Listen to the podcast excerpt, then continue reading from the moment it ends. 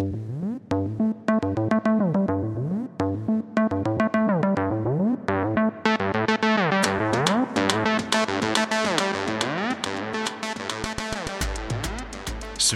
sveiki, sveiki mano brangus klausytojai. Šiandien su jumis vėl yra Julius. Kaip visada, Tilvikolis Detai kol kas yra tik tai Julius. Ir, na, sveikinusi su jumis rudenį jau tokį gražų, su spalvotais visokiais lapais, kaip kad būna atvirukose ir ten gražiose m, to darbalaukio uh, užsklandose ir, ir žodžiu. Tai va, tai ruduo yra gražus, nepaisant to, kad čia kai kur lyja, kai kur ne kartai šviečia saulė, žodžiu, nu, ruduo yra visoks, toks kaip ir gyvenimas, aš manau. Ir, na, prieš pradėdamas aš tai labai noriu pasidžiaugti vienu tokiu nedideliu pasidžiaugimu, o gal ir dideliu, nežinau. Bet um, statistika yra tokia, kad uh, mūsų, vat, tą daiktą, kurį jūs klausote, tai yra podkastas apie gyvenimą, psichologiją ir dalykus, jis yra perklausytas jau net 4800 kartų šiaip per visur. Ir, na, tiesą sakant, aš tai nesitikėjau tokios skaičiaus ir taip pasižiūrėjęs, man, man apskritai aš jį pažiūrėjau, nu jo, okei, okay, ten klauso žmonės, taip gerai, aš čia turiu, kuriu viską. Ir man vienas žmogus pasakė, palauk, tu čia žiūrėk, čia, nu, kaip žinai, kaip, nu, šimtai autobusų žmonių tiesiog klauso tavęs. Wow. Tai aš esu labai dėkingas tam žmogui, kuris man taip, mat, um, parodė, kad žiūrėk, vis dėlto yra čia tų žmonių, kuriem, kuriem tai yra aktualu ir, na, tai įkvepia mane. Ir, um, aišku, aš labai noriu padėkoti tiem, kurie, na, atsiliepimus man rašo apie, apie praeitus epizodus, tai ačiū Jums dar kartą už tai, kad Jūs minit mane gerų žodžių. Jūs žinot, kas Jūs esat tokie. Ir uh, prie reikalo turbūt einam. Šiandien yra tokia, na, nelengva tema Mes kalbam šiandien apie vaikystės traumą. Ir pf, jūs mane žinot, apie vaikystės traumą tai aš galiu nesustodamas kalbėti. Jo, aš, aš ir taip galiu nesustodamas kalbėti, čia visas eteris mano. Aš galiu rašyti tą epizodą gal penkias valandas, tik tai aišku klausimas, kas įklausys tada. Um, bet uh, kodėl aš taip, na, vis akcentuoju tą vaikystės traumą ir vis apie ją pakalbu ir, ir vis prie jos grįžtu, nes mano akimis vaikystės trauma yra kaip mm, toks vienas iš mus nusakančių galbūt ar, nežinau, sukūrenčių dalį mūsų visos, visos uh, esybės dalykas. Tai, nu, faktiškai didžioji dalis to, ką, ką mes šiandien turim ir kas mes tokie esam, tai yra, na, įtakota mūsų vaikystės patirčių. Ir tos patirtis jos gali būti, na, pozityvios ir negatyvios ir aš labiau gal skirstyčiau į tokias dvi kitokias dalis. Tai yra patirtis, kurios turėjo teigiamas pasiekmes ir patirtis, kurios turėjo neigiamas pasiekmes. Pradžiai pakalbėsim apie teigiamas patirtis.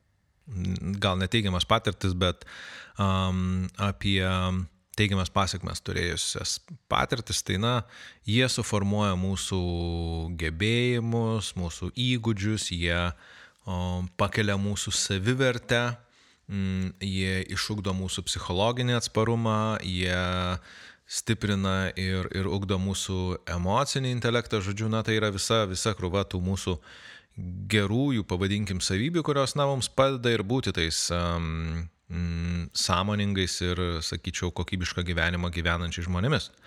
Bet yra ir neigiamas patirtis.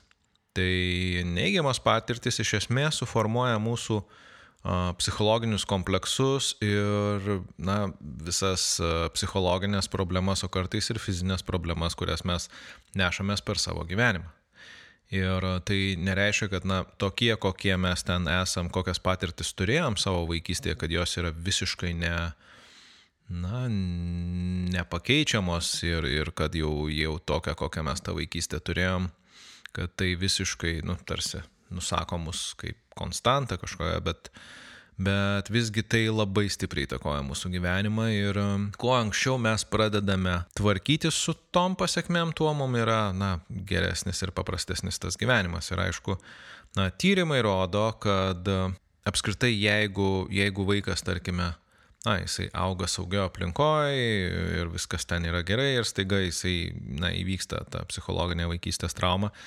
Ir, na, tada vaikui, aišku, tarkim, gyvenimo ta kryptis jau jinai, jinai jau atsišlėja nuo tos pagrindinės tarsi linijos ir jau jinai eina į kairę. Į kairę tai yra blogai. Ir jeigu tuo metu kažkuriuo dar įvyksta pokyčiai pozityvūs jo vaikystėje, na tai ta, ta tarsi kryptis jinai gali, kaip nežinau, kaip kokia medžio šaka, kuri, na, nebeauga į šoną, kaip jinai blogai čia, kad būtų, bet jinai auga į viršų toliau. Tai šiaip tai yra Laurinaičio labai gerai apie tai pakalbėta kažkokiam TEDX'e, tai aš čia tiesiog perpasakojau tai, ką jisai plačiau kalbėjo. Tai jeigu norit, galit pasigūglinti. O, bet iš esmės, jo, neigiamos, neigiamos patirtis tai yra tai, kas suformuoja mūsų kompleksus ir problemas. Na ir mm, toks perspėjimas E, kad apskritai turinys šitas, kurį aš kalbu, jis nėra orientuotas į kieno nors apkaltinimą ar čia kažkokią tai, nežinau, norą, kad išsukiltų čia tevam emocinės reakcijos, o čia koks, kaip aš čia va, va, savo vaiką skriaudžiau, kaip man dabar reikia dabar atgailauti, na, na, na mm, ar, ar čia žodžiu, o kaip čia mano tėvai mane skriaudė ir dabar va aš juos ten eisiu ir su jais kalbėsiu ir dabar va jie galės pamatyti, kaip čia blogai viskas. Ne. Aš labiau, tai gali įvykti, bet aš labiau norėčiau, kad į tai, ką aš čia kalbėsiu, na, žiūrėtumėt labiau tokius kaip į tokius, nežinau, faktus, kaip psichologo, tokio objektyvų požiūrį į tai, kas vyksta ką aš jau esu kalbėjęs ankstesniuose epizoduose apie santykius e, suaugusių vaikų ir jų tėvų. Ir yra du epizodai. Vienas yra iš um, pozicijos uh, vaikų, kitas yra iš pozicijos tėvų, tai jūs galite lengvai juos susirasti, tai yra keli ankstesni epizodai. Ir um, dažnai ta konfrontacija jinai yra svarbu, kad jeigu jau norisi konfrontuoti ir, ir manot, kad reikia, ir aš manau, kad tikrai reikia, uh, Tai tiesiog daryti tada, kada jūs esate tam pasiruošę. Žiūrime tai kaip į tokį labiau smalsiai, kaip į tyrinėjimą to, kas iš tikrųjų įvyko. Ir e, grįžtant atgal prie to, va, šiandienos, prie to, kur mes esam čia ir dabar, tai kas nusako apskritai, kokie mes esam čia ir dabar šiandien. Na, pirmiausia, yra aišku tokios atsitiktinės aplinkybės. Nes, na, atsitiktinumo dėka mes gimstam į šeimą, į tą, kurią gimstam ir į tą laikmetį, žodžiu, nu, tiesiog taip yra, taip veikia, taip veikia, sakykime, visata. Čia tokį trumpą perspėjimuką pasakyti, kad visais tais uh, ajurvediniais ir ne tai, kad ajurveda čia blogai yra, bet, žodžiu, tais visais uh, ezoteriniais tikėjimas, kad vaikai gimsta į šeimą ir ten jie yra, Jeigu jūs to tikite gerai jums, aš tuo netikiu, aš tuo nesiremiu ir, na, tiesiog taip, čia mes kalbam apie tokį gana prie realybės pririštą požiūrį, kuris, na, mano, mano akimis padeda suprasti labiau tai, kaip čia tie mūsų santykiai tame gyvenime, kurio mes turime, čia pakankamai nedaug veikia ir ką su tuo galima daryti. Tai, žodžiu, random aplinkybės tokios atsitiktinės, į kad gimstam į šeimą ir aplinką vietą, geografinę visuomenę, taip kaip jau gimstam. Ir šiek tiek įtakoja genetika, mūsų ir elgsena, ir aišku, yra kiti faktoriai, kad, na, tai kaip mes atrodom, tai kokia mūsų ten kūno konstitucija yra, tas irgi turi mm, vienokių ar kitokių pasiekmių, nes, nu, pavyzdžiui, jeigu, jeigu tarkim, na, berniukas ar mergaitė yra gražus, tai jiems yra jau tam tikrų, na, tokių kaip ir mm, kreditų jie turi gyvenime. Ir aišku, jeigu jie nėra gražus, na tai jiem aišku tų kreditų nėra, bet jie galbūt kažkur tai kitur gali, gali na, pirmauti ar, ar, ar, ar judėti į priekį. Tai žodžiu, kad na, genetika mums duoda tam tikrus, tam tikrus uh, privalumus, norėjau sakyti bonusus, bet, bet sako, kad negerai naudoti visokių tų anglicizmų, tai aš stengiuosi savo kalbą švarint ir išlaikyti tokią kuo labiau arčiau radijas.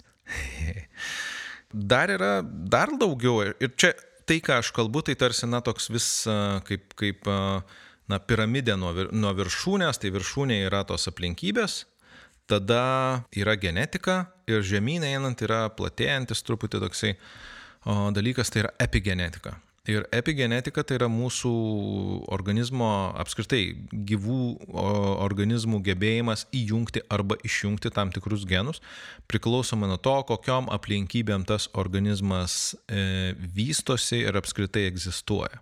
Mm, labai geras epigenetikos pavyzdys, pavyzdžiui, yra tas na, tyrimas darytas su primatais, primatų šeimose, um, jeigu taip galima pasakyti, na, žodžiu, buvo Mm, buvo vieni beždžioniukai auginami, auginami, na, tokiam agresyviom, tokiam, na, kenkiančiom tam augimui sąlygom.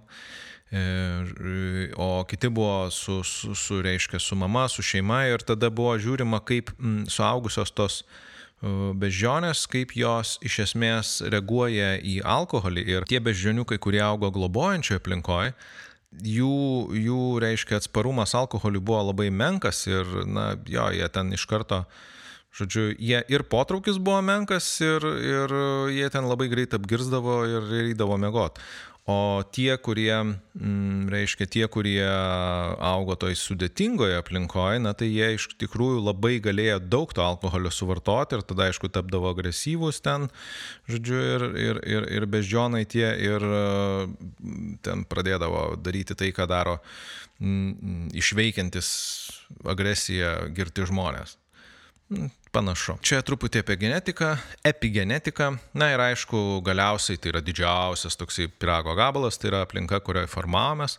Na tai yra fizinė ir psichologinė. Ir čia mes turime vieną tokį ne, nelabai mum sėkmingą evoliucijos dalyką, na, ne, nesėkmingas gal ne tas žodis, bet čia mums evoliuciškai nelabai pasisekė, nes na, didžioji dauguma, tarkim, žinduolių, kurie gimsta, tai jie gimsta maždaug jau išsivystę normaliai. Tai pavyzdžiui, o jeigu palyginti su kokiu kumeliuku, tai kumeliukas gimsta tokio, tokios brandos kaip maždaug dviejų metų vaikas. Jis jau moka ten pats vaikščioti, žodžiu, jau, jau ten pats bėgioja iš karto gimęs. Ir kadangi mes turim didžiulės smegenis lyginant su visais kitais gyvūnais, tai mums dėja, bet nepasisekė evoliuciškai ir mes turime vystytis gimę Kitaip moteris tiesiog negalėtų pagimdyti vaikų, nes jie įstriktų ten toj moteriai ir gyventom žinai ir tada tiesiog nežinau, kas ten būtų.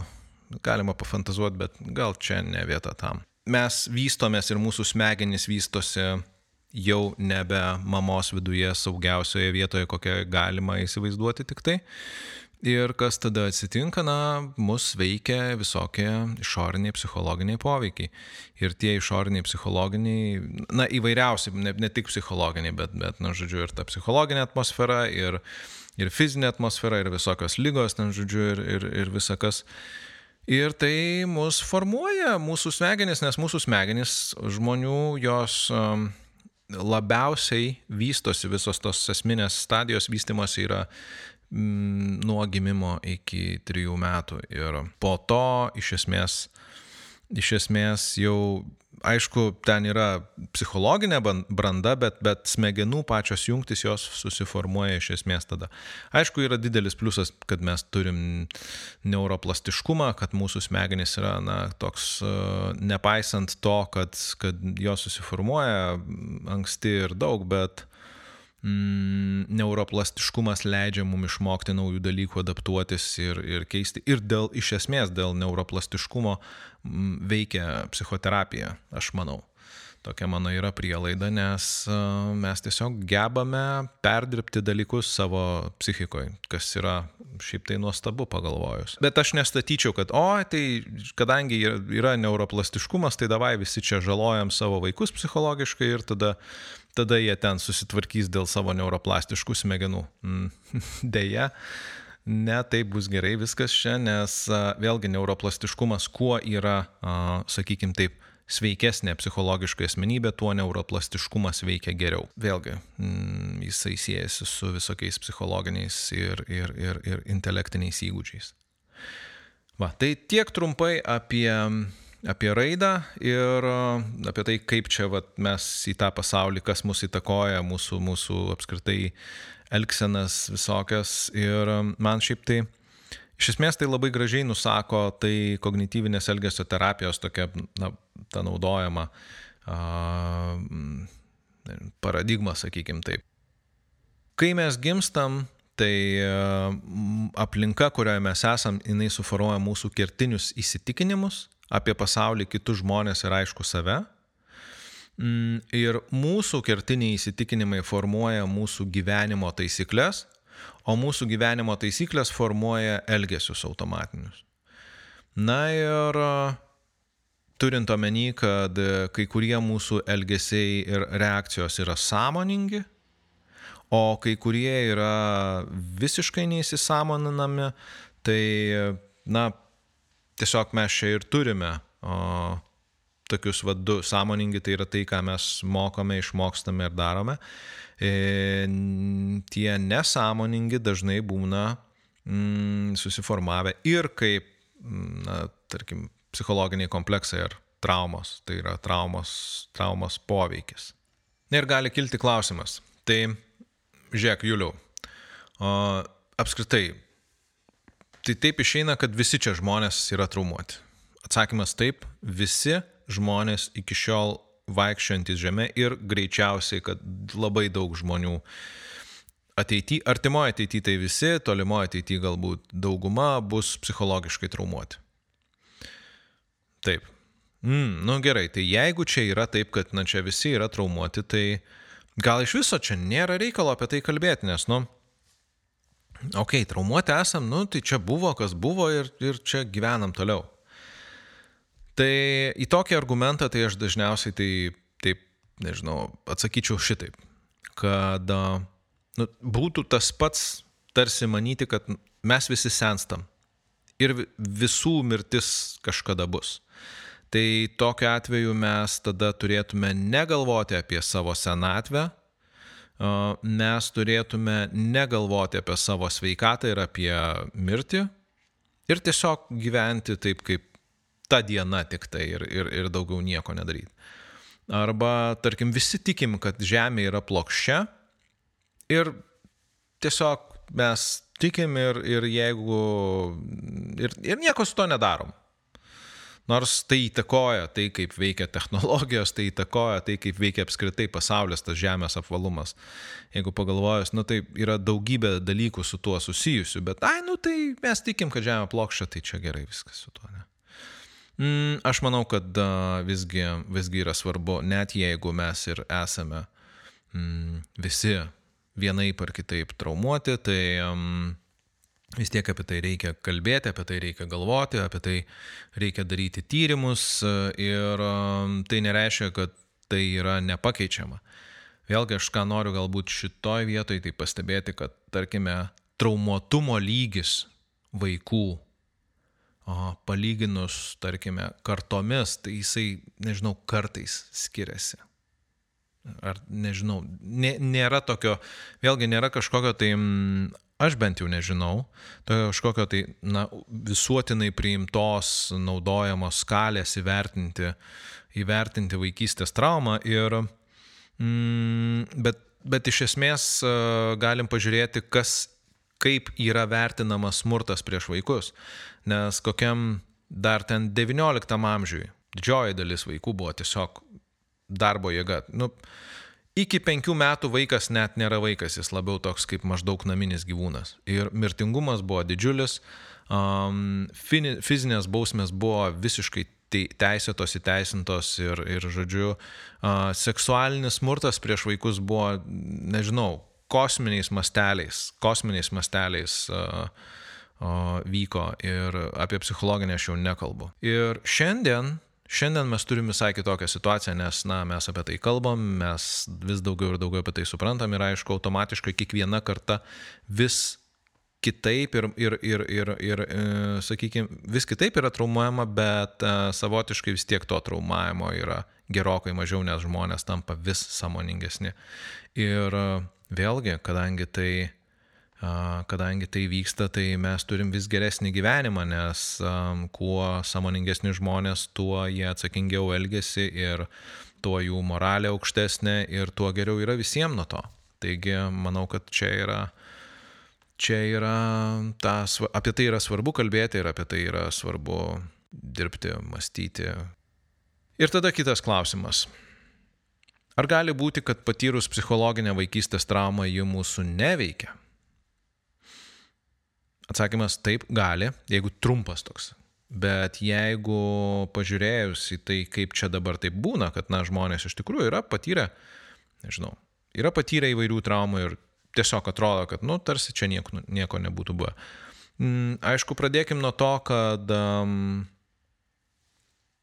netgi, tarkim, identiški dvyniai uh, būna, kad jie tiesiog uh, reaguoja skirtingai arba toj pačioj šeimoje panašiai augę vaikai, jie, jie turi visiškai skirtingus tos psichometrinius davinius. Ir um, Taip yra todėl, kad, na, iš tikrųjų mes esame visi skirtingi žmonės, netgi, netgi tie patys, va, reiškia, toj pačioj aug, šeimoje augantis vaikai, jie gali būti labai skirtingi ir jie skirtingai reaguoja į traumavimą. Tai kas vienam yra trauma, kitam galbūt yra, na, nu, tik tai va, toks va, ne, nesėkmingas atsitikimas ir viskas. Bet um, labiau pažiūrėjus į tą patį mechanizmą, kaip, na, kaip trauma veikia, tai um, tarkime, trauma tai yra kažkoks tai skausmingas įvykis, kurio mūsų psichika negali perdirbti. Tuo metu jisai vyko, mūsų psichikai tai buvo per stipru, mes neturėjom resursų, kaip su tuo tvarkytis, užlieja ten jausmai labai stiprus ir šiaip realiai tam, kad psichika ne, neišsijungtų ir žmogus nuo streso nenumirtų, nu, tai, tai tarsi tas, tas įvykis jisai disocijuojamas yra, jis atskyla nueina, nueina į pasąmonę ir įsirašo į migdolinį kūną, jeigu mes žiūrime tokį labai na, skausmingą įvykį.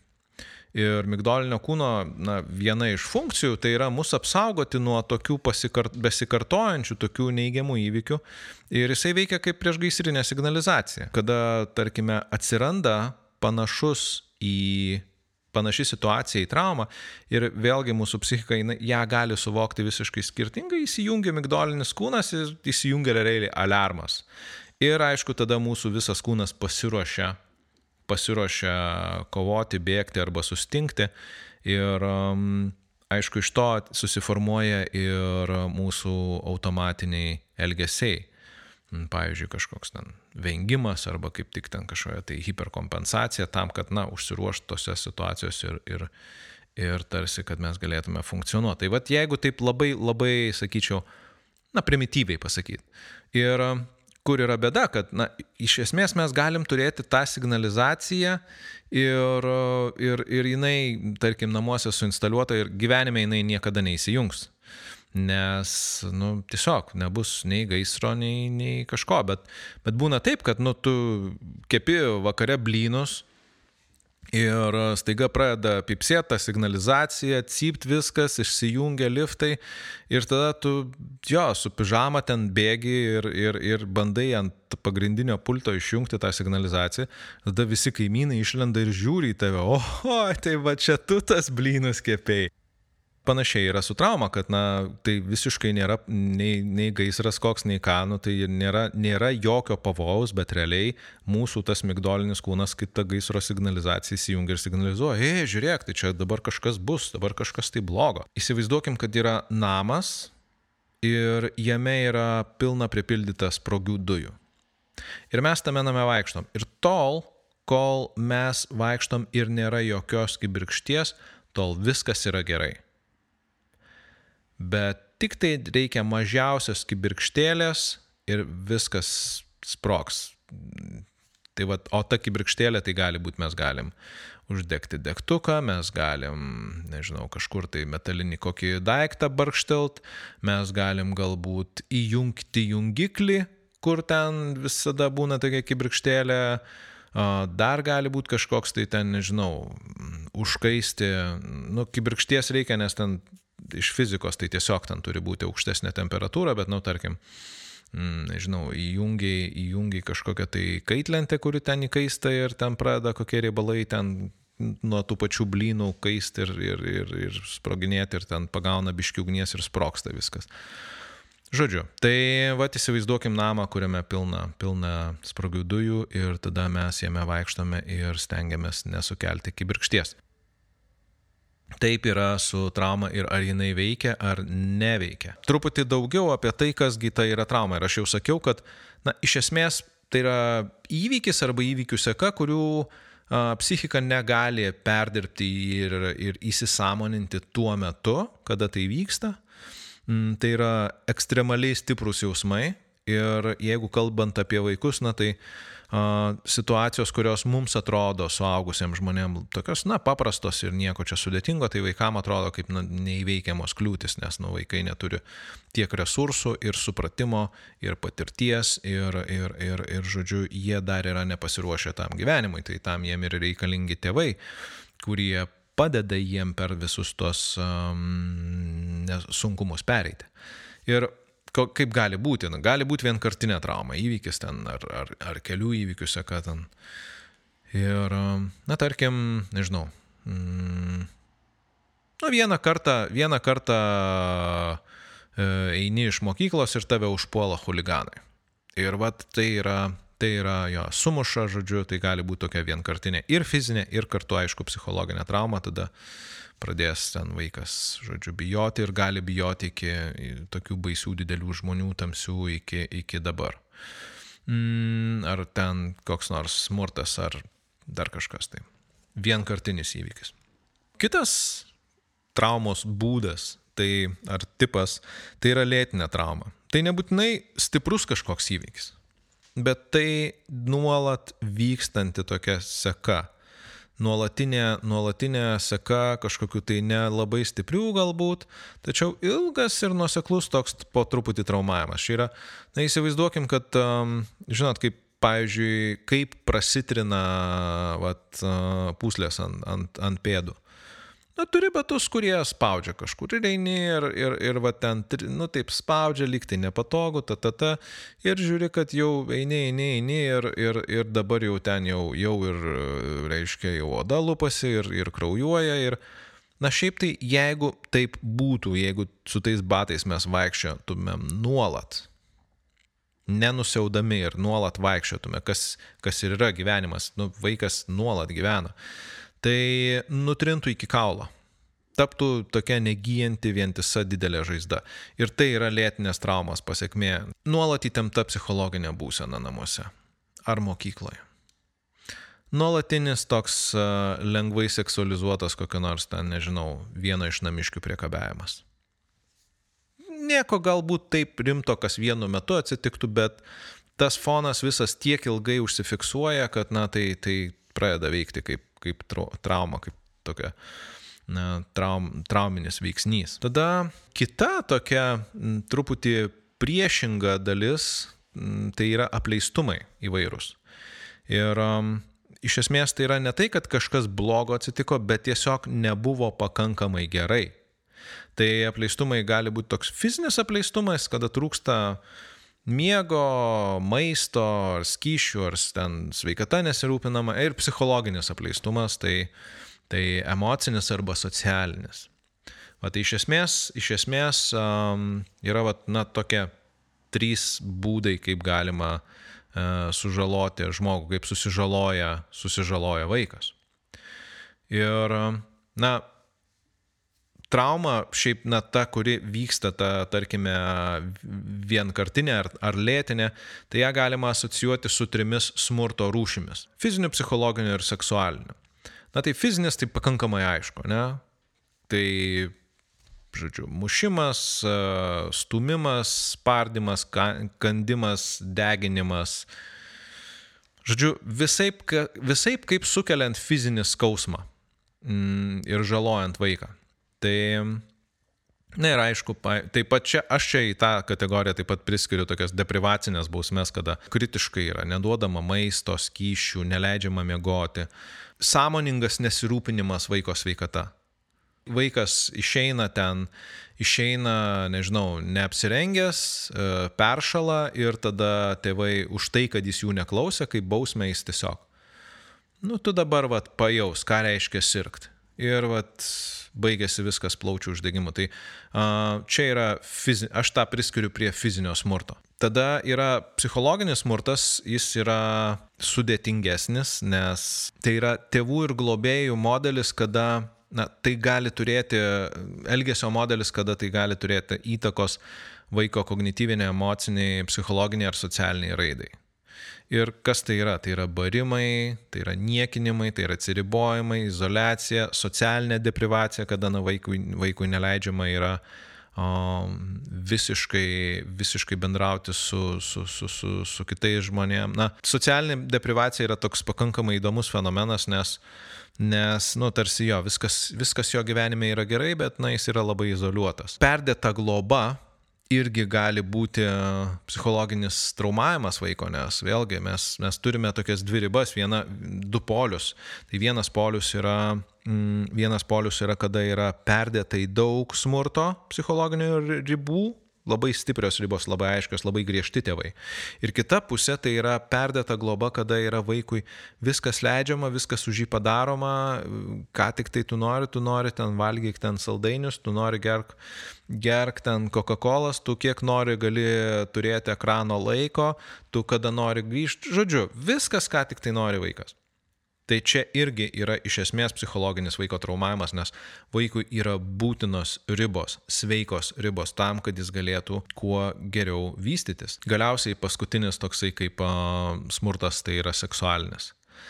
Tai suaugusio ar vaiko veiksmai, kurie na, prievartą grasindami ar papirkdami, jie priverčia vaiką turėti seksualinį kontaktą arba šiaip apskritai bet kokią seksualinę veiklą. Ir um, Prie to aš dar priskirčiau, kad, na, tai būtų ir, ir seksualinio turinio neribojimas, tai yra, nu, tarkim, nepasirūpinimas uh, turėti saugų internetą namie. Tai yra, kad, nu, vaikas gali ats, savo atsidaryti ir, ir žiūrėti pornografiją laisvai kompiuteryje, be didelių pastangų. Um, ar, ar, ar šiaip bet kokia seksualinė veikla vaikui matant ar būnant šalia, kas irgi šiaip, na, nu, ai, nu tai čia jo, mes, mes čia pabarbar, o čia, vat, nu, tai tegu vaikas čia būna šalia. Nu, dabar, aš realiai ir tai, ką aš kalbu, aš su tuo susiduriu ne kiekvieną dieną, bet, bet susiduriu reguliariai, kaip tėvai geria ir, ir, ir, ir daro orgijas namie matant vaikui arba būnant vaikui.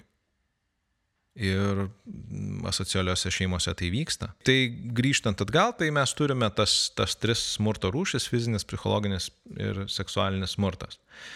Ir kaip aš sakiau, tas yra tie du apleistumai, tai yra fizinis arba psichologinis apleistumas. Ir mes apie juos dar truputėlį kalbėsim. Na ir kitas klausimas galbūt būtų tai gerai, tai mes jau suprantam, kas yra trauma, bet kaip jinai tada, kaip suprast, kad va čia... Mm, o kaip jinai pasireiškia tam, tam suaugusio žmogaus gyvenime. Tai iš esmės aš matau tokius keturis scenarius, kaip ta vaikystės trauma veikia. Mm, ir tarkim, mes turim vaiką, kuris buvo skriaudžiamas agresyvių tėvų. A, mušamas, mm, žeminamas, labai griežti tėvai reikalaujantis. Tai pirmas scenarius yra vengimas kad toks suaugęs žmogus, jisai vengia viso to, kas primena tą traumuojančią situaciją. Jis yra labai nuolankus, lengvai sukalbamas, jisai bijo visko, jisai stengiasi kuo mažiau iššūkių prisimti. Nu, va, toks, va, tuo žmogumi naudojasi visi ir visada. Kitas yra, kitas būdas pasireikšti tam, tai yra atkartojimas. Tai tą į tą situaciją grįžimas vėl ir vėl. Toks žmogus, kuris buvo skriaudžiamas agresyvių tėvų, jisai pats tampa agresorium ir jis pats eina ir, ir, ir, ir dalyvauja agresyviose aplinkose, kuris gali pasireikšti, kad o koks aš kietas, o koks aš stiprus, va žinai, tu manęs neklausai, aš tau iš karto į nosį ir, ir, ir ten lūžis ir jinai jau smegenyse sėdi ir viskas ir aš esu kietas. Toks agresyvumas jisai irgi gali būti kaip, kaip e, pasireiškimas tos traumos. Tada yra kitas būdas, tai hiperkompensavimas. Tai yra, na, toks žmogus, mm, kuris na, va, buvo nuolat skriaudžiamas ir, ir nuolat, e, nuolat apribojamas tėvų, tai jisai sukuria sukuria viską, kad jisai tik tai turėtų galę ir kuo mažiau būtų pažeidžiamas. Tai jisai siekia valdžios, jisai siekia galios, jisai jisai galbūt jo nusiperka šaunamą į ginklą, kad jeigu ką galėtų apsisaugoti, nors neaišku nuo ko, gal išmoksta kokio kovos meno, kas irgi yra šiaip, na, iš esmės tai yra neblogai mokėti, mokėti apsiginti fiziškai. Bet iš kitos pusės, kiek dažnai to, to reikia tam žmogui. Ir galiausiai paskutinis laiptelis, ne tai, kad jis yra kažkuo tai blogas, bet tiesiog čia taip sąraše gavosi, kad na yra represavimas. Tai kada mes iš esmės manom, kad nieko nebuvo, o jeigu ir buvo, tai manęs neveikia. Tai realiai intelektualizavimas ir psichologizavimas to, kas įvyko. Na ir aišku, savo simptomų arba ignoravimas arba pateisinimas.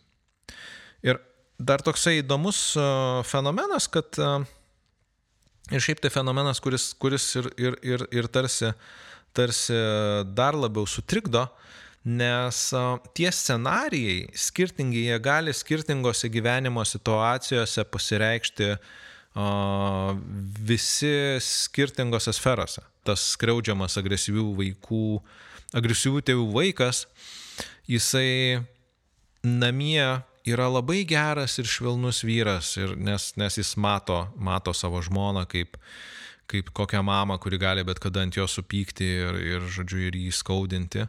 Bet darbė jis yra labai rimtas ir, ir reikalaujantis ir piktas bosas, nes jis ten jaučiasi kaip jo tėvas, kuris ten jeigu ką, tai gali ten trenk kumščių į stalą ir pasakyti, kad viskas turi būti padaryta turi būti padaryta. Va, tai taip yra. Čia labai viskas taip sudėliota, protingai, taip, ta, ta, ta, bet tai, o kaip tai atrodo, na, kaip kažkokie tai psichologiniai sutrikimai, nes, nu, gerai, o čia scenarijai visokie bububu. Kas tai yra?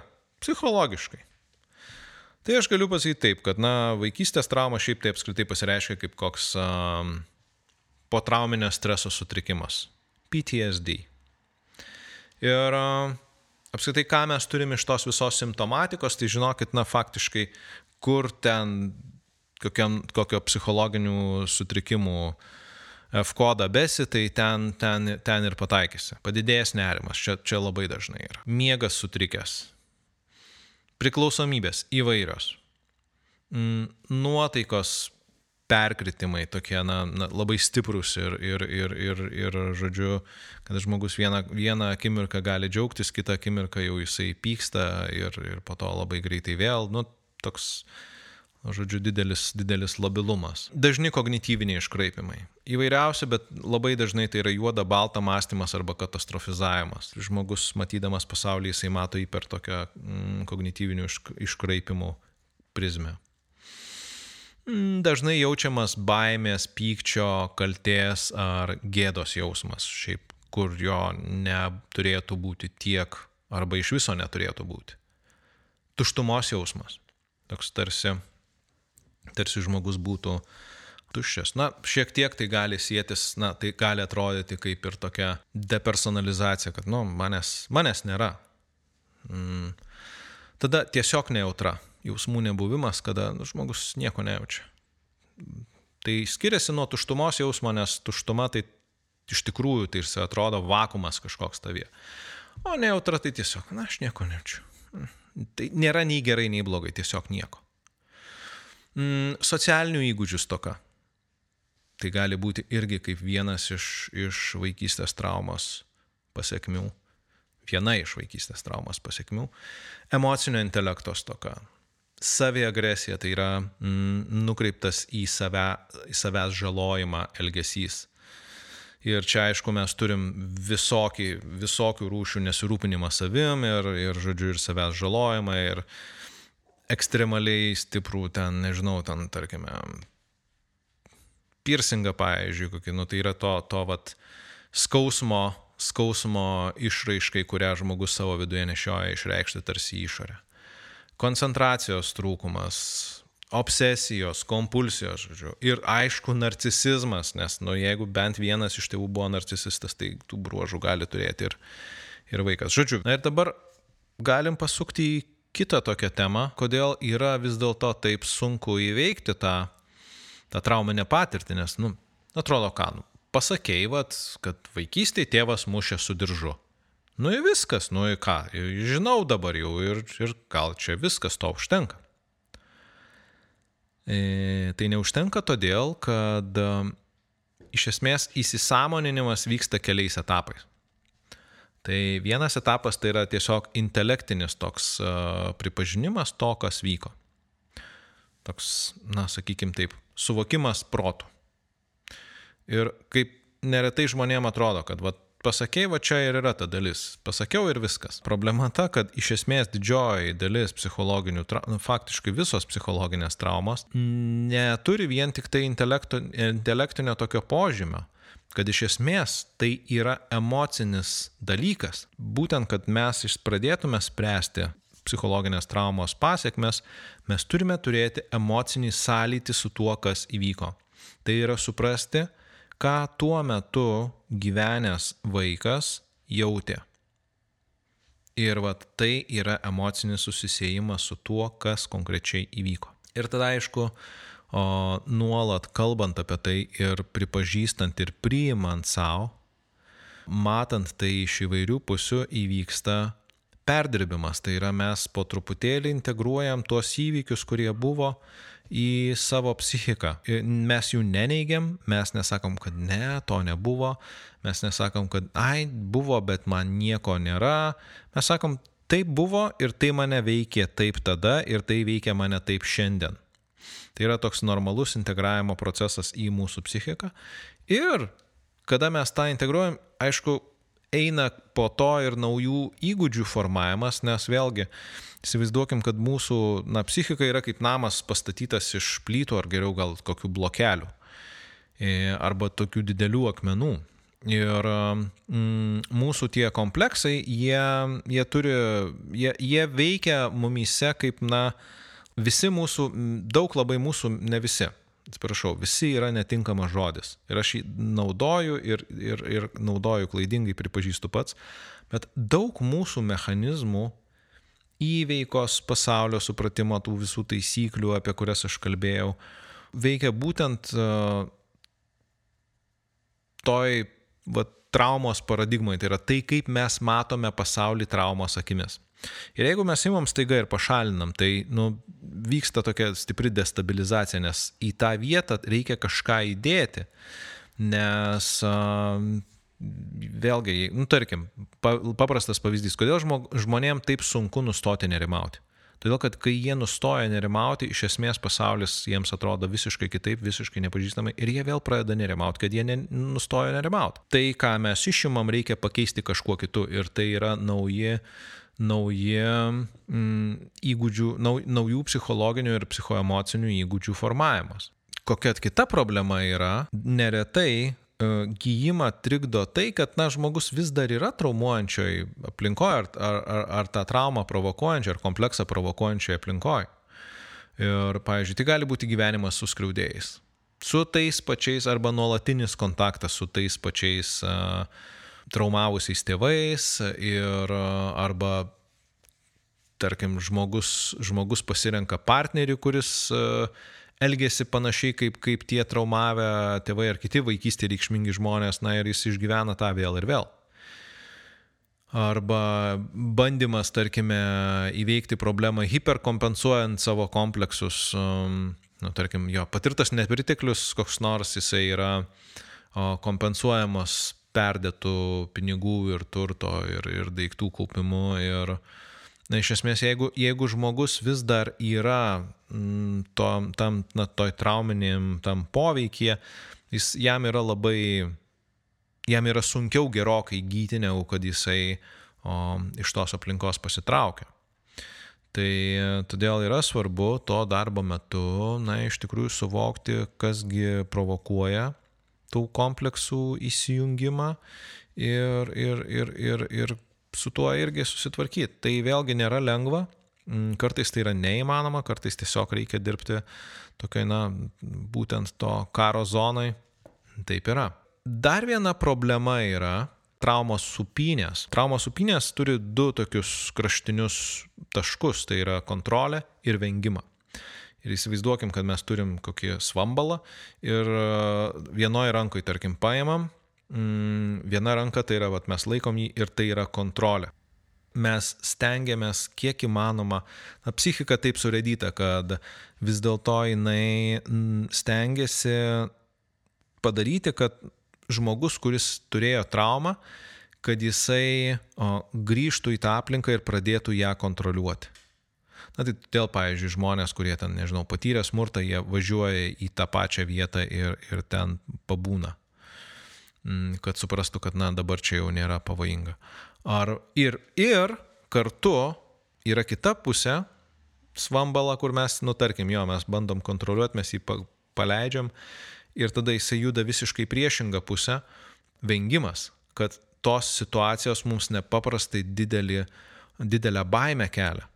Ir um, va, tai ir yra, kad na, žmogus, kuris iš esmės gyvena su trauma, tai jisai tai bando kontroliuoti, tai bando vengti ir niekada nėra tarsi nenusistovi ta pusiausvyrą, kur, na, iš esmės tai jisai tiesiog per vidurį atsistoja, kad nei jisai bando kontroliuoti, nei jisai vengia, jis tiesiog gyvena savo gyvenimą. Tai dėl to svambalavimo viso čia ir yra bėda, kad, kad na, tai iš esmės yra labai labai sunkiai gydoma ir sunkiai, sunkiai prieinama prie to. Na ir dabar kalbant toliau, tai aš tiesiog truputį noriu nukrypti nuo temos ir paprašyti prisidėti prie podkasto kūrimo keliais pinigais. Mm, tai yra tiesiog tapti patronais, jeigu jūs ten padarote per mėnesį su, su, su, sufinansuojate podcastą tiek, kiek kainuoja vienas kavos podelis arba, arba pora kavos podelių, aš jums būsiu nepaprastai dėkingas. Ir man tai yra beje labai reikšminga, nes, na, vėlgi čia, kaip sakau, tas, uh, matau, kad, na, vis, vis, vis daugiau žmonių ateina čia ir aš noriu toliau kurti tą gerą turinį ir, ir na, Tiesiog būsiu dėkingas, jeigu jūs paremsite podcastą. Ir jeigu jūs podcastą klausotės per iTunes arba Google podcast, tai ką jūs dar galite padaryti, tai palikti įvertinimą, objektyvų pageidautiną ir um, užsiprenumeruoti uh, būsimus epizodus, kad, na, tiesiog jūs būtumėt prisisubscribinę uh, E, koks geras žodis, prisubscribinti prie, žodžiu, prie, prie podkasto. Mm, ir aišku, primenu, kad yra mm, naujienlaiškiai, atsiras naujų, naujų rėmimo galimybių ir aišku, naujų privalumų Patreonė. Bet apie tai pačiame Patreonė panueisit ir paskaitysit. Ir dar viena naujiena, tai yra Lizdo akademija, Tai yra, dar nesugalvojau tikslaus iki galo pavadinimo, TL akademija dabar kol kas yra.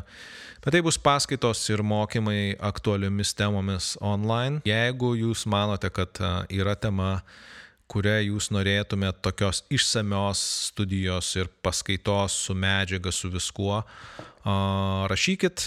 E, ir apskritai galit visada rašyti į lizdas etatilvikas.lt. Aš tikrai dėkingas tiems, kurie rašo. Ir vat štai tenai jūs galite paminėti, ką jūs norėtumėt girdėti mokymuose, kokių jūs mokymų norėtumėt.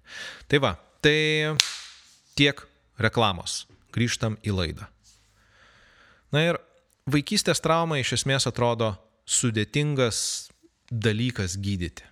Bet visgi kaip tai vyksta? Na ir tai vyksta kaip ir su bet kokia trauma. Ar tai yra vaikystės trauma, ar tai yra tiesiog po trauminio streso gydimas, kuris čia įvyko neseniai, bet iš esmės ką mes darom, tai mes grįžtam atgal į situacijas ir jas išgyvename vėl ir vėl ir vėl, kol jos nebekelia stiprių jausmų. Nu, tai vadinama tokia, na, sisteminė desensibilizacija. Kas tuo metu vyksta, e, tai su vaikystės trauma yra jeigu mes turim čia neseniai vykusią kažkokią traumą, nu, tai iš esmės yra toks labai aiškus, tarkime, ypač kognityvinė elgesio terapija naudodamas modelis, kaip, at, nu, jo, mes, mes tiesiog ten grįžtam, grįžtam, grįžtam, kol, kol galų gale žmogus gali atpasakoti visą traumo, trauminį įvykį, mm, traumą sukėlusi ir, ir kol jam nebekelia tai labai stiprių jausmų ir, na, iš esmės viskas su tuo ok pasidaro. Su vaikystės trauma yra šiek tiek kitaip, nes um, patys įvykiai dėl, dėl mūsų atminties savybių, jie būna kartais pakitę ir atrodo pakitę ir mūsų galimybės tuo metu atsiminti tam tikrus dalykus buvo kitokios. Kitas momentas, kuris dar apsunkina viską, tai yra tai, kad na, traumos pasiekmes yra persipinusios įvairiausiose gyvenimo sferose. Na, jeigu mes turime seksualinį smurtą, jis ne tik tai įtakoja seksualinį gyvenimą šeimoje jis persipina su daugybė įvairiausių momentų visur gyvenime. Tai yra nepilnavertiškumo jausmas, tai yra gėdos jausmas jaučiamas tam tikrose e, sritise ir, ir viskas ten persimaišo toksai. Ir e, todėl tenka tvarkyti su tais visais, na, apsireiškimais tų kompleksų ir traumų kasdieninėse situacijose, ir mes negalim susikoncentruoti į vieną įvykį, nes, nu, vėlgi mes tą taip labai iš įvairių pusių matom. Atsimenat, tai kad mes galėtume veikti šiandieną, mums neužtenka tik tai pašalinti to komplekso iš žmogaus, e, mums reikia kažką į tą vietą ir įdėti. Ir kitas yra aspektas darbo su vaikystės trauma, tai yra, kad kuo smurtas buvo subtilesnis, tuo yra sunkiau pamatyti, kaip tas traumavimas įvyko, bet jis veikia. Na, pavyzdžiui, narcistiški manipuliuojantis tėvai. Yra toks uh, labai, labai dažnai, tarkim, naudojamas uh, narcizų, narcistinių asmenybių naudojamas uh, naudojama technika, tai yra vadinamas gaslightingas. Aš lietuviškai radau tokį, tokį pasakymą tikslinis myglos pūtimas, nežinau, kiek tai yra, mm, nežinau, teisingai, bet, nu, turbūt mano, mano akimis tai turbūt geriausias vertimas. Bet, nu, toks mm, melas sukuriant, melas sukuriant aplinką visą iš to melo žmogui, kuris yra jos viduje. Tai pati istorija gaslightingo, tai kad, žodžiu, gyveno moteris ir, ir jos vyras jai nuolat sakydavo apie dalykus, kad nu, tai, ką jinai mato, kad iš tikrųjų to nėra, arba tai, ko jinai nemato, kad iš tikrųjų yra, jis ten buvo prigesinęs visam name, būtent, reiškia, ta, tuo metu tai buvo dujinis apšvietimas, tai prigesinęs visam name šviesas, reiškia, ir, ir, na, ir ir va ta, ta moteris iš tikrųjų ir, ir, ir, ir patikėjo, kad jinai yra išprotėjus. Kodėl narcizai tą daro? Tai dėl to, kad jie nori kuo geriau kontroliuoti mm, savo auką. Ir tarkim, na, va, jeigu mes turim tokius narcistinius tėvus, kurie sukuria tą, tą gaslightingą vaikui ir, nu, sako va, dalykus, kaip jiem geriau atrodo. Vaikas tada pradeda tikėti ir gyventi tokioje iliuzijoje, kad taip ir yra, kaip jie, kaip jie sako. Ir tada, aišku, narcizams yra nepaprastai svarbu, kad jų auka tikėtų tuo, kas vyksta ir kad jie būtų teisūs bet kokią kainą, nes, nu, jeigu, jeigu tik tai viskas sugriūva, tai um, tada viskas dinksta, dinksta ta sukurta iliuzija. Tada vaikai užauga tikėdami, kad na, viskas yra taip, kaip jų, jų narcistiniai tėvai geslaitino juos, kad taip, taip pasaulis veikia. Ir labai tada sunku tada yra labai sunku imti ir tarsi kritiškai pradėti mąstyti ir matyti tam tikrus dalykus. Kuo yra subtilesnis tas smurtas, tuo terapija ilgiau trunka. Ir tikrai būna atveju, kad reikia ten gerokai, gerokai padirbėti, ne vienerius ir net ne trejus metus. Ir truputį yra kitoks darbas su emociniu apleistumu, kadangi ten yra tuštuma, tai reikia kažką, kažkuo užpildyti ir labiau tada psichoterapijoje mes mokomės psichoemocinių įgūdžių, na, kurių būdamas vaiku žmogus, na, klientas negavo. Aš manau apskritai, kad emocinio apleistumo atvejais tai ypatingai gerai padeda, va tokia yra atjauta grįsta terapija, compassion-based therapy, tai čia yra na, trečios bangos kognityvinės elgesio terapijos tokia atmaina. Na ir ir šiaip panašus va tokie į, į emocinį išgyvenimą panašios tokios orientuotos, orientuotos terapijos. Ir koks yra tada psichoterapeuto darbas terapijos metu, na tai iš esmės yra kelet, jis daro tokius keletą dalykų. Atspindi empatizuoja, palaiko, kontroliuoja procesą ir analizuoja. Tai atspindėjimas, aišku, tai yra tai, ką, ką klientas atsineša, tą mes jam atspindim atgal jo jausmus, jo, jo mintis, kad na, jisai pamatytų save ir išgirstų, kad ir suprastų ir girdėtų. Na, empatizavimas tai mūsų gebėjimas pamatyti kliento jausmus, jis siejasi su atspindėjimu ir juos atspindėti, bet suprasti, ką žmogus jaučia ir kartais jam parodyti tai, ko jisai pats nemato. Pabūti kartu su jo tą emociją, tiesiog išbūti kartais. Palaikymas labai, labai irgi svarbi dalis, nes neretai žmonės, kurie yra patyrę vaikystės traumą, jie jaučiasi labai vieniši, jie jaučiasi labai pažeidžiami, jie jaučiasi bejėgiai ir terapeuto darbas tuo metu yra tiesiog, na, būti tą atramą, į kurią gali klientas atsiremti ir iš tenai išjudėti kažkur tai pirmin į viršų. Tada proceso kontrolė.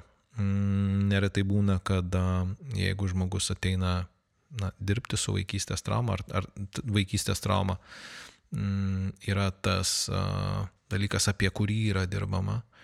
Tai neretai, aišku, norisi apie tai nekalbėti, nuo to nukrypti, tarsi nebūti su tuo. Ir aišku, terapeuto darbas yra kontroliuoti procesą ir gražinti prie esminių, esminio turinio, prie, prie tų temų, kurios yra svarbios. Nu, kad, kad vis dėlto vyktų darbas, kad nu, terapija būtų savotiškas truputėlį ir iššūkis žmogui kiekvieną kartą, kada jis į ją ateina. Na ir aišku, analizė tai yra tikrinimas, kiek, kiek tai, ką mm, klientas kalba, kiek tai atitinka realybę. Na, vienas dalykas, aišku, kriti, kritiškai patikrinti faktus ir, ir tai, kas vyko ir kaip tai vyko, na taip tarsi pažiūrėti į tai, apvartyti tą įvykį iš visų pusių, kaip kas ten darėsi, nes vėlgi ne visada tai, ką žmonės atsineša į terapiją, yra taip, kaip yra iš tikrųjų. Ir daug ką mes, aišku, perimam per savo, per savo prizmę, perfiltruojam per savo filtrus. Kalbant apie tokias tarkime, kompensacinius mechanizmus ir, ir tai neretai, na, žmonės turi tokių labai didelių iliuzijų savo gyvenime, na, tokių kompensacinių iliuzijų, o, tai aš ten sukursiu verslą, ar aš ten uždirbsiu milijoną, ar aš ten sukurtu, sukursiu, atsiprašau, nuostabius santykius. Ir, ir tada visa tai yra gerai, bet dabar pažiūrim, kokia yra realybė ir kokius tu žingsnius gali, gali padaryti, kad tai įvyktų. Na ir truputėlį tada tą, tą tokį grandioziškumą nuleisti, išleisti tą balioną ir, ir padaryti, kad jis būtų tikras, kad jis labiau, labiau pavirstų ne, ne kažkokiu tai oro burbulu, o, o būtent kažkokia plyta tam namui, kuris, kuris yra statomas, kad, kad tai būtų tvirtas kažkoks tai pamatas, kaip čia, kaip čia žmogui iš tų situacijų išeiti ir ką daryti kada aš kalbu apie terapiją, aš e, visada faktiškai sakau, jo, nu, galite eiti į psichoterapiją, galite vat, konsultuoti su psichologais, psichoterapeutais ir ten visokias praktikas daryti, bet e, yra saviterapija. Ir čia yra gerai saviterapija. E, taip yra gerai saviterapija. Mm, ir kas tai yra? Na, iš esmės pažiūrėkime, kas yra psichoterapija ar, ar psichologinis konsultavimas. Tai yra pokalbis. Du žmonės sėdi ir jie kalbasi. Iš esmės tai yra tiek. Ir e, kartais jie kažką daro ten, tarkime, bet, bet, bet nu, bet mano šitam darbe ir apie vaikystės traumą, tai iš, iš esmės tai yra pokalbis. Ir pokalbis terapijoje, normalioje psichoterapijoje, tai yra su psichologu ar psichoterapeutu, saviterapijoje tas pokalbis vyksta su savimi. Kartais gali būti su palaikančiu kokiu žmogumu ar palaikymo grupe, bet iš esmės saviterapija yra apie dialogą labai labai atvirą ir labai labai sąžiningą, labai empatišką, smalsų su savimi. Ir tai iš esmės susiveda į dienoraščio, terapinio dienoraščio arba žurnalo rašymą. Ir aš esu labai didelis proponentas rašymo, nes rašant mes, vėlgi, rašant įsijungia ta, ta reiškia tokia, na, kalbėjimo ir atspindėjimo funkcija. Tai yra, jeigu mūsų viduje, jeigu mūsų psichikoje yra toks uždaras ratas, kur, kur ten sukasi tos mintys ir, ir patyrimai ir visa kita, tai rašymas o, ranka arba kompiuteriu, jisai padeda tą ratą nutraukti ir padėti turinį kažkur, kur, žodžiu, tai nėra mūsų, mūsų viduje. E, nu, toks savotiškas tarsi iškrovimas. Ir būtent dėl to tai ir veikia. Nes aktyvuojasi, tiesiog aktyvuojasi kitos smegenų, kitos smegenų grandinės, kada mes arba kalbam, arba rašom. Ir tas rašymas turi būti labai toks sąmoningas ir atviras. Ir aš jaučiu, kad bus atskiras epizodas apie tai, apie tą saviterapiją, kas tai yra ir kaip tai veikia ir kaip tai teisingai daryti. Uh, Na ir e, dar yra visokių technikų, tai galima, tarkime, rašyti nedominuojančią ranką, užduoti savo klausimus ir atsakinėti juos nedominuojančią ranką ir žiūrėti, kas bus. Ir šiaip tai pamatysit, kad wow, ko ten galima gauti iš savo pasąmonės, kai jūs rašot nedominuojančią ranką ir visiškai ramiai atsipalaidavę klausėt klausimų. Ir e, vėlgi, kas dar yra saviterapijos, aš manau, kad neatskiriama dalis, tai suprasti sav, vėl mes nesam vientisa asmenybė, mes esam, mes esam, turim savo vidinės dalis. Ir um, tiesiog imti ir auginti tą savo vidinį vaiką, kurį turim, arba kelis vaikus, pavyzdžiui, mano atveju, um, aš turiu savo keletą tų vidinių vaikų, jie yra skirtingo amžiaus ir aš suprantu, kad, na, skirtingo uh, skirtingų mano amžiumi buvo, vyko skirtingos traumas ir tie skirtingi mano vaikai reprezentuoja na, tas, tos skirtingus kompleksus, kurie tuo metu išsivystė. Ir iš esmės, jo, aš, aš dirbdamas psichoterapinį darbą, aš turėjau sąsajų su jais visais ir tebe turiu, nes vėl aš vis kartais grįžtu prie savo psichoterapinio dienoraščio rašymo, žodžiu, tas darbas su, su tais vidiniais vaikais, jūs turite savo viduje vaiką ir jūs juo rūpinatės kiek įmanoma geriau ir tokiu būdu jūs rūpinatės savim, kiek įmanoma geriau. Nes jeigu jūs pagalvojat, mhm, nu jo, čia suaugęs Julius, tai dabar čia turėtų eiti dirbti ir, ir daryti viską čia iki trijų nakties, spaudyti kompiuterį, čia skaityti dar kažką. Bet jeigu aš turiu vaikų, tai mano vaikam reikia eiti miegoti pakankamai anksti, gal ten nežinau, kad jie gautų tas savo 8 valandas miego ar kiek ten jiem reikia. Ir jeigu aš rūpinosi to savo vidiniu vaiku ir aš einu jį užmigdau, realiai tai aš einu ir užmigdau save. Tai va tokiu būdu augindamas tą savo vidinį vaiką, kad ir kaip čia, a, sakyčiau, taip truputį ezoteriškai tai kalbė, skambėtų, bet iš esmės tai, tai yra rūpestis tiesiog savim. Kada mes rūpinamės savim, automatiškai, aišku, mes pradedame matyti pasaulį kitaip ir pradedame matyti, mūsų žmonės aplink save ir tuos pačius vaikystėje reikšmingus žmonės ir aišku, norisi mums tada su jais interakciją turėti kažkokią. Apie būtent tuos santykius e, ir apie atleidimą jau yra epizodai.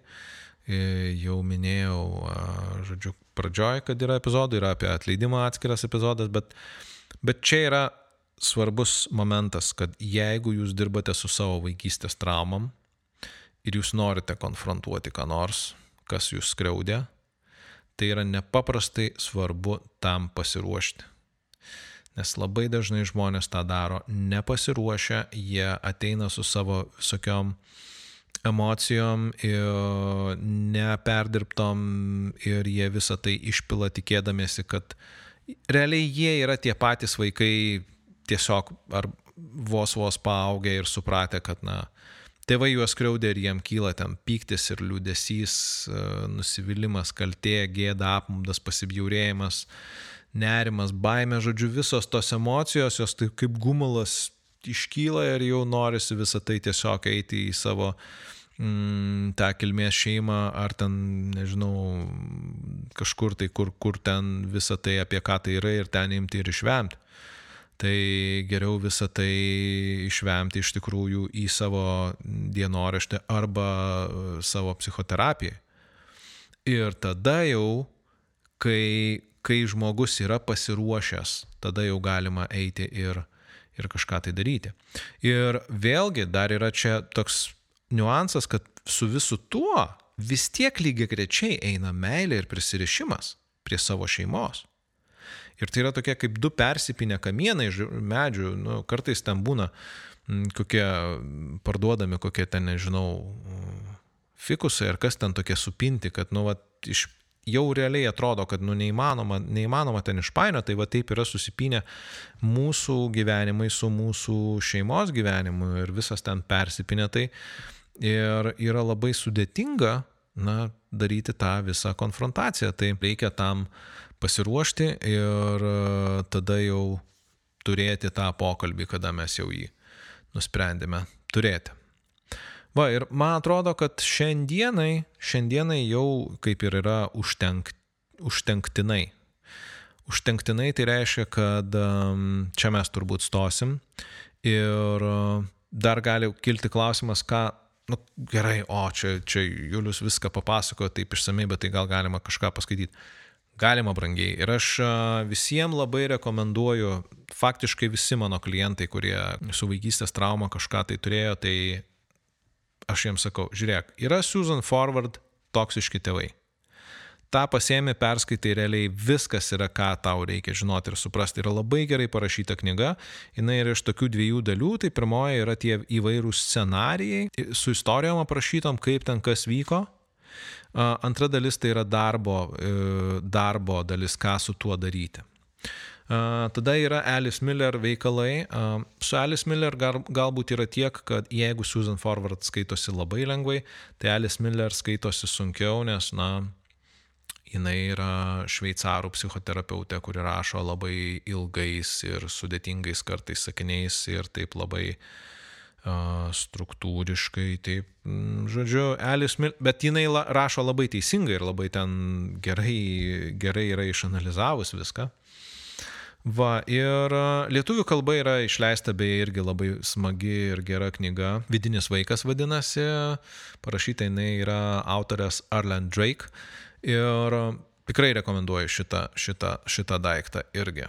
Tai va tokie būtų skaitimai. Ir aišku, aišku, O, Tilviko lizdas yra nuostabus resursas, kurį jūs užsiprenumeruojat ir, ir viskas yra gerai. Ir pabaigai tiesiog beliko anonsas ir mes kitą, kitą savaitę kalbėsim apie neištikimybės anatomiją. E, jeigu kas nors dabar klausote ir dar, dar tai yra tik tai išėjus šitam epizodui klausote jo, Um, o išeis jisai spalio trečią dieną. Per savaitgalį aš lauksiu Juliu, lizdasetatilvikas.lt mm, jūsų kažkokių tai pastebėjimų, galbūt istorijų, galbūt jūs norit kažko paklausti, galbūt norit kažkuo pasidalinti ir uh, gali būti, kad, na, jeigu jūs norit, parašykit, kad aš noriu, kad uh, ta istorija atsidurtų epizode Jeigu jinai bus į temą, tai aš visiškai anonimiškai, tai yra pakeitęs ten veikėjus ir, ir, ir nu, taip, kad nebūtų atpažįstama, mes apie tai galėsim pakalbėti, nes atrodo, kad um, santykių ir neištikimybės tema yra tokia labai neišsemiama, nors jinai yra sena kaip pasaulis. Tai va, ir vis dėlto yra labai aktuali, apie ją mes ir kalbėsim. Ir aišku, kaip visada aš lauksiu jūsų pasiūlytų temų ir belieka man padėkoti tiem, kurie pirmiausia remia šitą podcastą, šitą tinklalaidę. Ačiū Jums visą visą širdimi, kiekvienas Jūsų euras, tai yra doleris, ten doleris, viskas skaičiuojama, prisideda prie to, kad šitas podcastas vyktų, būtų geresnis ir kad kažkada tai įvyktų interviu ir mes turėsime interviu Ir aišku, visiems kitiems klausytojams savo irgi aš labai labai labai dėkoju, kad jūs klausot, kad jūs man rašot, kad jūs esat, kad jūs paspaudžiat uh, like, kad jūs pasisubscribinat, kad jūs pasidalinat su žmonėm, kuriem to reikia. Jūs visi esat nuostabus ir aš su jumis atsisveikinu. Čia buvo Julius, kuris kalbėjo iš Tilviko lizdo. Sudie brangieji. Iki kitų kartų.